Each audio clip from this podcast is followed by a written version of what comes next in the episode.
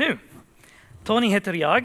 Varför jag måste säga Tony, jag vet inte, men man måste presentera sig själv. Jag vet inte, men jag måste börja med det. Tony heter jag och idag ska jag prata om, uh, jag måste ta min presentation remote. Var är det? Come on, ja, där här. Och lite vatten.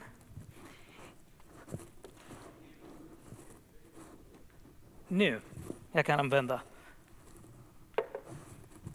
Ämnet idag är Gud är medveten och han bryr sig. Det finns en vers, Saltaren 103, vers nummer 13. Så som en far förbarmar sig över barnen, så förbarmar sig Herren över dem som vördar honom. Gud är en omtänksam, kärleksfull, medkännande fader. Han älskar dig mer än du någonsin kan förstå. Gud är kärlek och han skapar dig för att han älskar dig. Det finns ingenting du kan göra mer så kan han kan älska dig mer. Hans kärlek är stadigt och förändras aldrig. Han är, kärleksfull, han, han är kärleksfull mot dig i allt han gör. Hans medkänsla är en av hans mest framstående egenskaper. Han bryr sig om allt i ditt liv. Vi ska läsa några verser från Markus kapitel 4, från vers 35 till 40.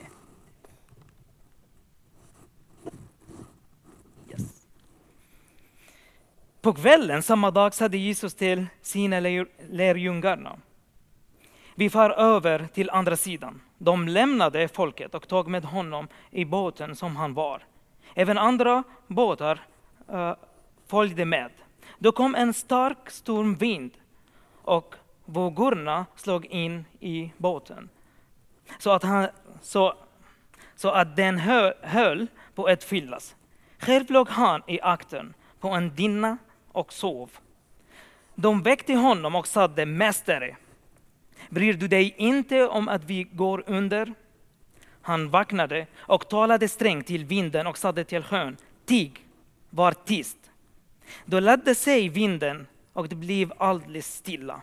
Han, satte, han sade till dem, varför är ni rädda? Har ni fortfarande ingen tro? De flesta av Jesu lärjungar var yrkesfiskare. En dag med de fiskare blev Jesus trött och sov i båten. När stormen kom borde det inte ha stått lärjungarna. Som fiskare var de vana vid stormar. Men det, men det här måste ha varit en stor, stark storm, för de blev rädda. Båten gungade så mycket att vatten kom in i båten. De var desperata och väckte Jesus för att ställa en av de viktigaste frågorna i livet till honom. Mästare, bryr du dig inte om att vi går under? Du och jag ställer denna fråga till Gud hela tiden och på tusen olika sätt. Gud, såg du läkarrapporten? Bryr du dig inte? Ser du i vilken röra mitt förhållande är i nu? Bryr du dig inte? Ser hur jag kämpar för att hitta bra jobb eller hitta, ett, uh, eller hitta något bra till mig? Bryr du dig inte? Du vet hur rädslan griper mig. Bryr du dig inte? Svaret är detta. Ja, Gud bryr sig.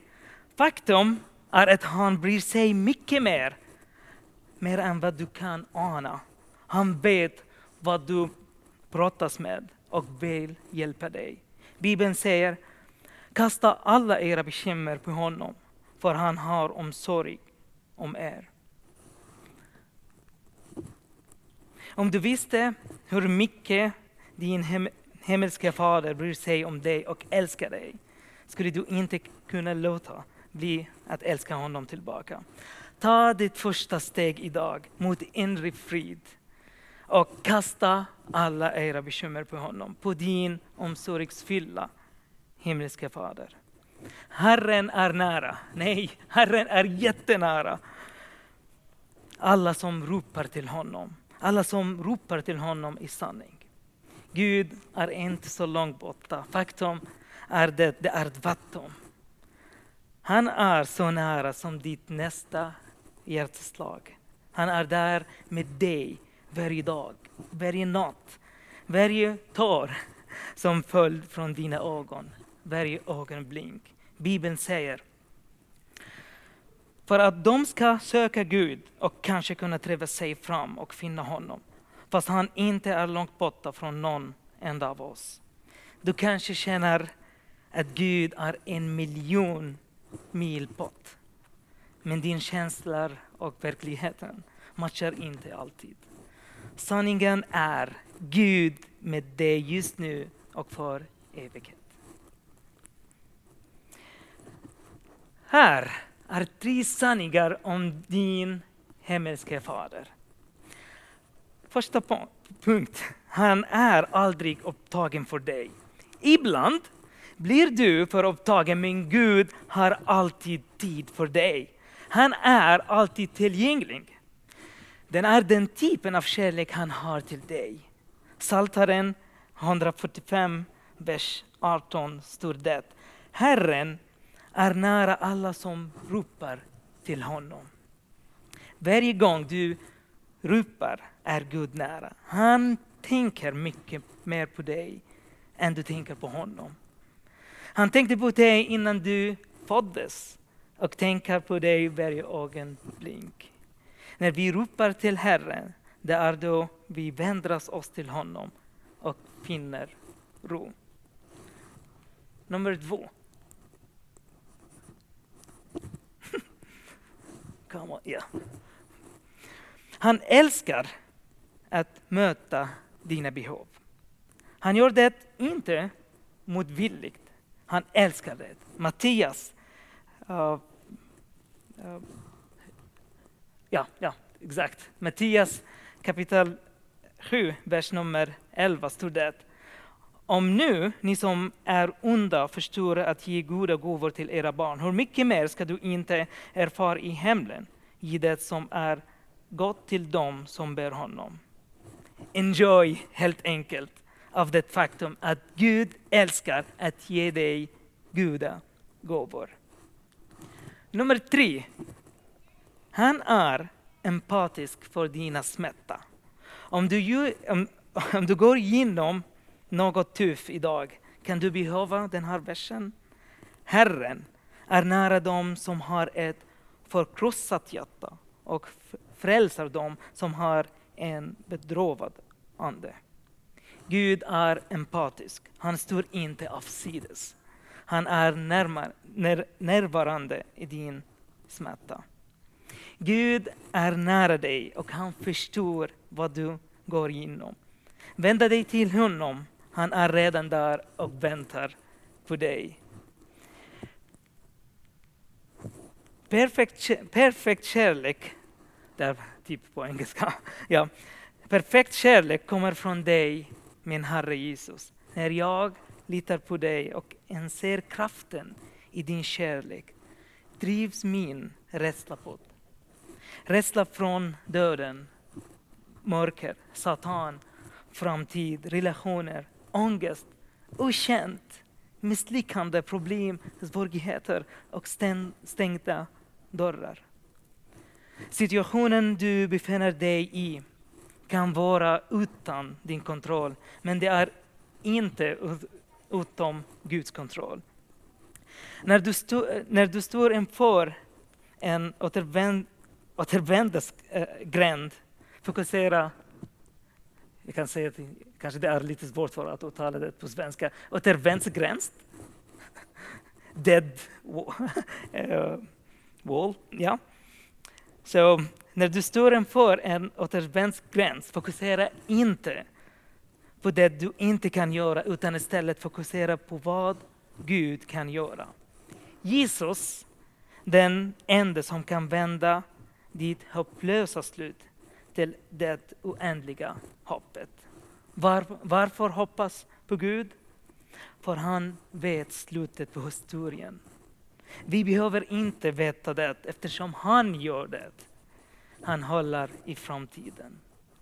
Var inte rädd. Det finns en vers som jag tycker om.